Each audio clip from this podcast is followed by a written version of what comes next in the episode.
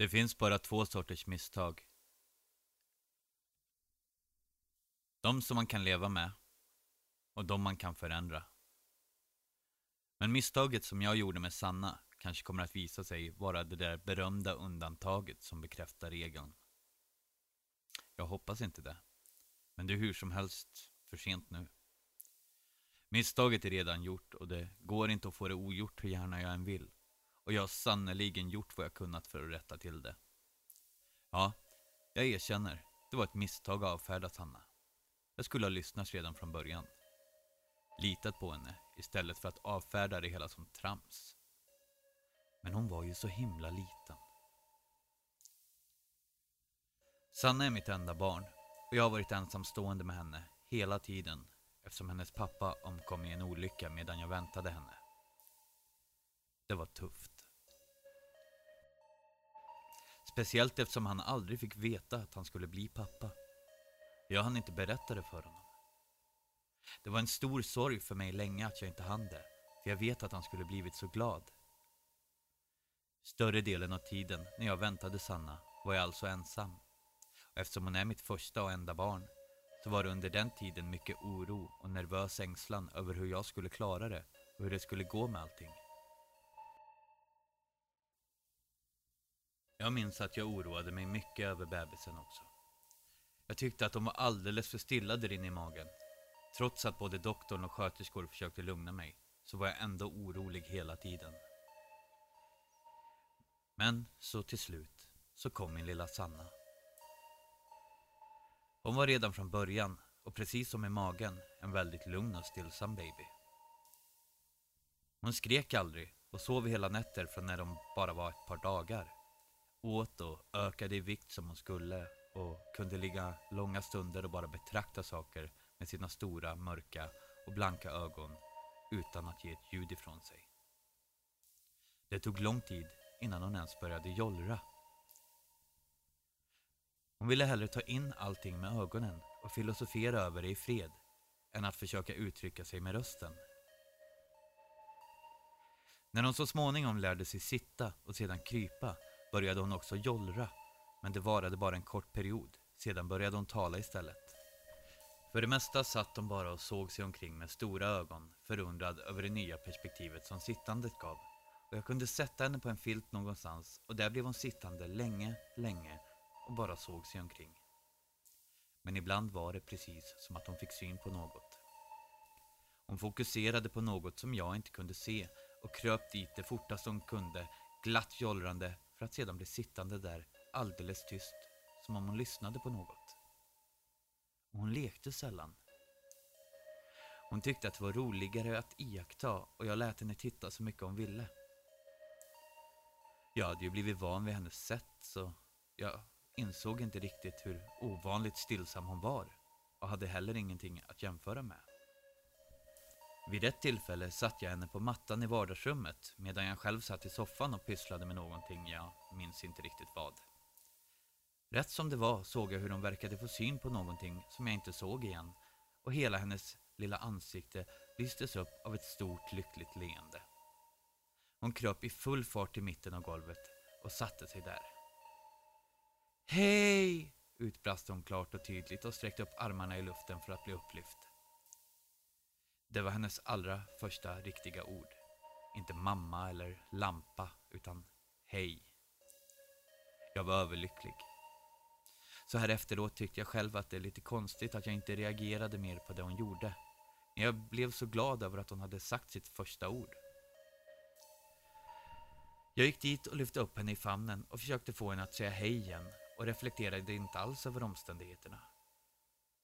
Jag minns den där händelsen bara för att hon sa hej, men senare har jag kommit att tro att det var då som alltihop egentligen började. För efter den där första gången så hände det lite då och då, och eftersom det var enda gången hon verkade ha bråttom någonstans, hon kröp verkligen jättefort i gångerna, så började jag lägga märke till det och undrade vad det egentligen var hon höll på med. Jag trodde att det var någon sorts lek. Det var ett misstag. Tiden gick och jag tyckte att Sanna växte så att det nästan syntes. Snart lärde hon sig gå och kunde säga ganska många ord, även om hon inte satte ihop meningar ännu. När hon väl lärt sig gå lekte hon också mer.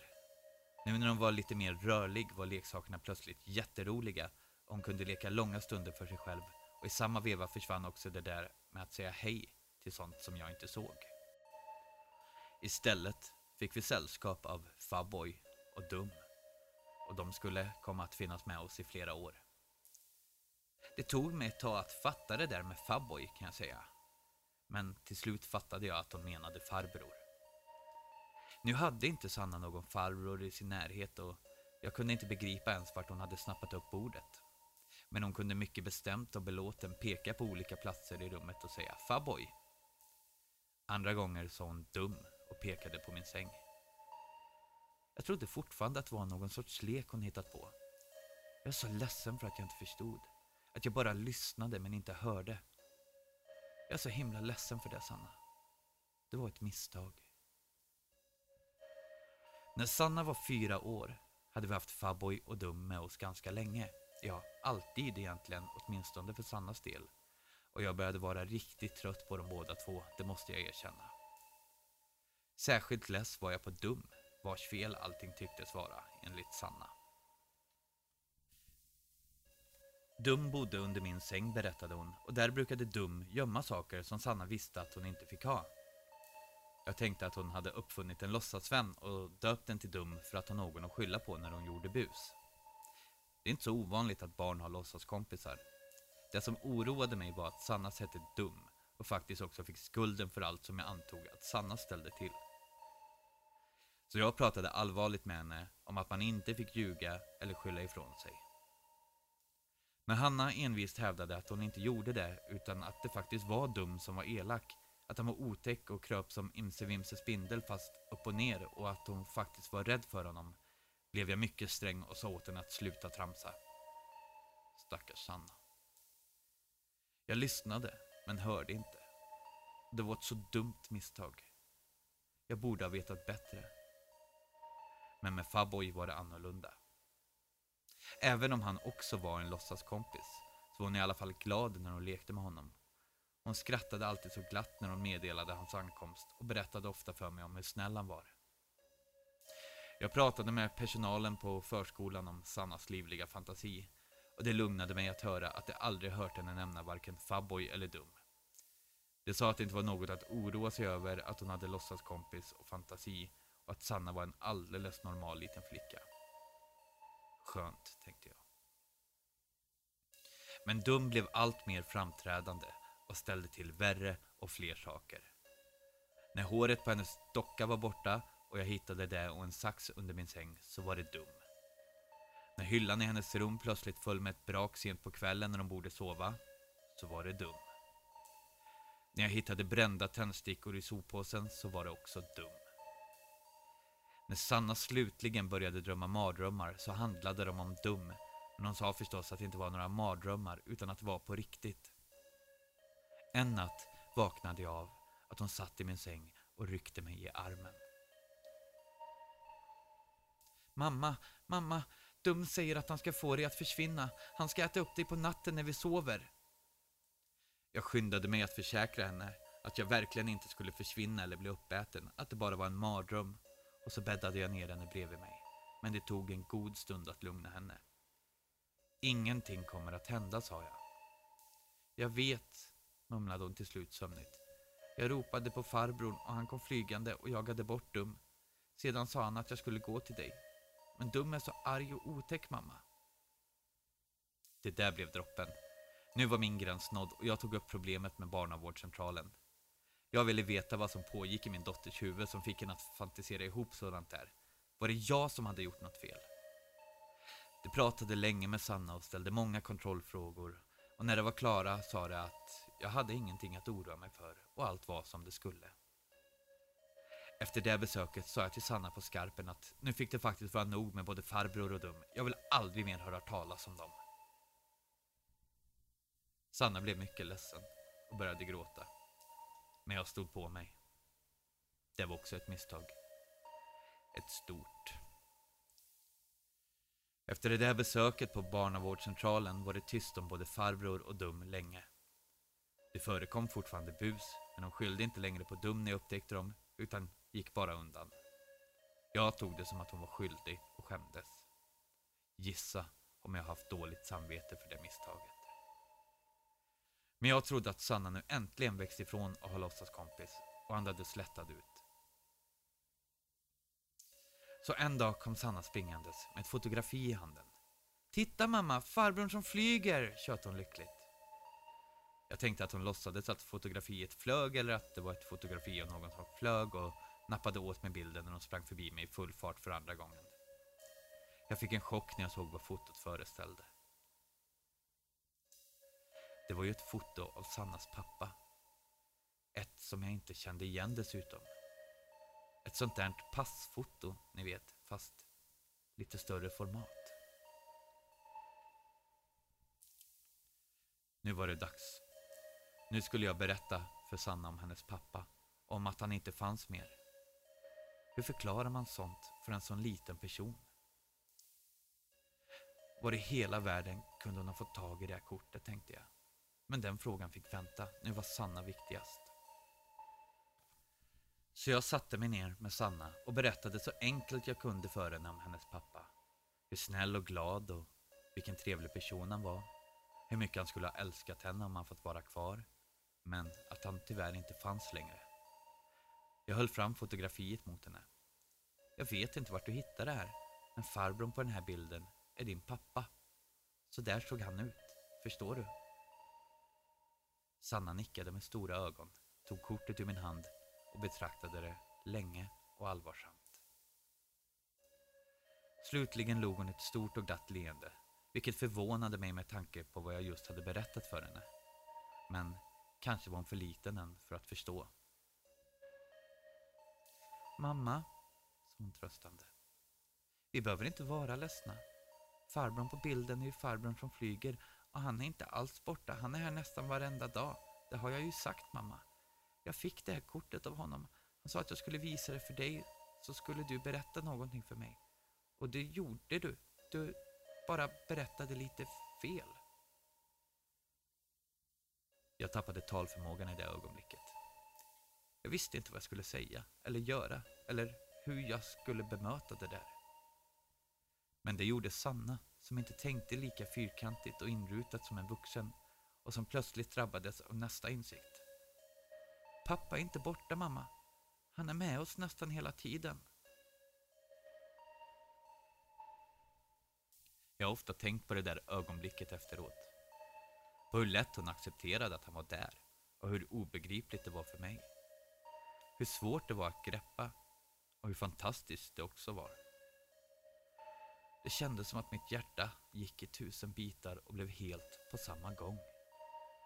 För henne fanns han där. Och jag som hade förbjudit henne att tala om farbrorn. Långsamt började jag förstå. Insikten slog rot inom mig. Jag förstod plötsligt att Sanna haft besök av honom ända sedan, ja, ända sedan hon var en liten bebis egentligen. Och jag, jag, jag hade inte fattat någonting. Jag hade till och med blivit arg på henne. Jag undrar om det någonsin går att rätta till sådana misstag. Om man kan reparera ett sådant svek. Gudarna ska veta att jag försöker. Min nästa insikt var inte heller rolig och fick en kall kår att löpa ut efter min ryggrad. Om farbrorn fanns kanske Dum också gjorde det. Dum, som kröp som en spindel fast upp och ner och som bodde under min säng. Dum, som var stor och elak och tyckte att det var roligt att inte vara snäll. För första gången i mitt liv övervägde jag noga om jag trodde att det kunde finnas spöken. Jag försökte verkligen hitta en logisk och rimlig förklaring till Sannas kontakt med farbrorn som jag inte kunde se. Fotografiet som dykt upp från ingenstans och som föreställde hennes pappa. Hennes pappa som omkommit i en olycka och som Sanna kände igen som farbrorn som flyger som brukar hälsa på henne. Jag ville så gärna tro på alltihop. Jag ville så gärna att han skulle veta om henne och vaka över henne och att det var mycket lätt att tro, för jag fann inte någon annan förklaring. Men det svåra var samtidigt att tvingas tro på dum. Jag ville inte tro på dum. Det vågade jag inte. Jag grubblade över det där ett bra tag och till slut blev det någon sorts kompromiss. Sanna fick lov att prata om farbrorn igen.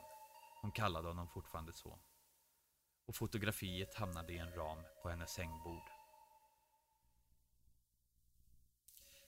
Men hon fick lov att hålla sig borta från Dum och fick fortfarande inte prata om honom. Det gick hon med på och för en tid slapp jag tänka mer på Dum. Men Dum var inte med på det avtalet. Efter en tid började saker försvinna.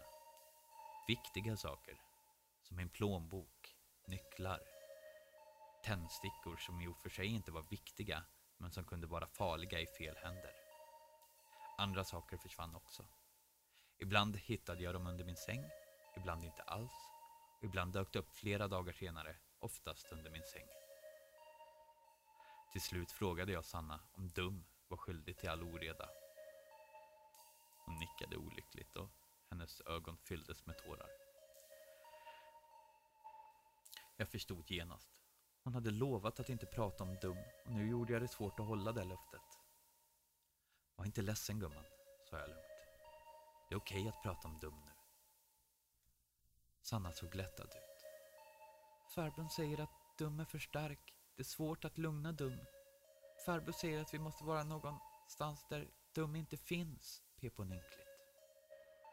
Jag hade inte förstått hur rädd hon var. För första gången någonsin lyckades jag få grepp om hela den här märkliga, också ganska fantastiska situationen och accepterade den så som den var. Sannas pappa stred mot Dum och vakade över sin dotter. Och det fanns varelser som Dum. Och kanske fanns det också ännu värre. Det goda kanske inte alltid vinner över det onda. Åtminstone inte om man inte hjälper till lite själv. Så vi flyttade därifrån så fort vi bara kunde. Sista kvällen i lägenheten måste Dum ha blivit rasande när han förstod att han hade förlorat. Att vi tänkte lämna honom där i tom ensamhet.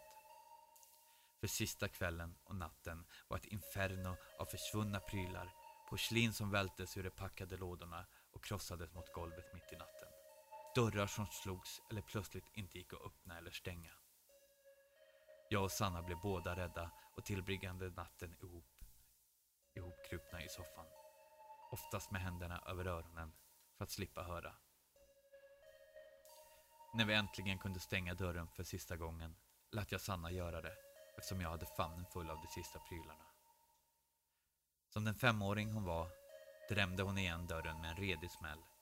Sen öppnade hon brevinkastet och skrek Hej då bajskorv! Så det ekade i hela trapphuset. Ja, hej då bajskorv, höll jag med tyst för mig själv och försökte dölja ett leende.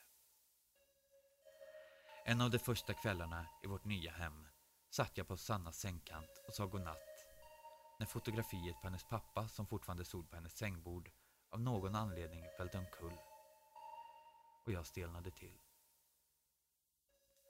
Sanna ställde försiktigt upp det igen och sa lugnt. Farbrorn är inte här lika ofta längre nu. Inte det? sa jag med stor förvåning. Nej, han säger att vi inte behöver vara rädda längre nu. Jag tänkte efter en stund, men trots det slapp frågan ur mig innan jag hann hejda mig och jag ångrade mig genast. Men hur vet vi att Dum inte följde med oss hit? Jag hade inte behövt oroa mig. Sanna blev inte rädd. Hon log bara och sa Var inte rädd mamma. Pappa säger att svarta själar flyger inte.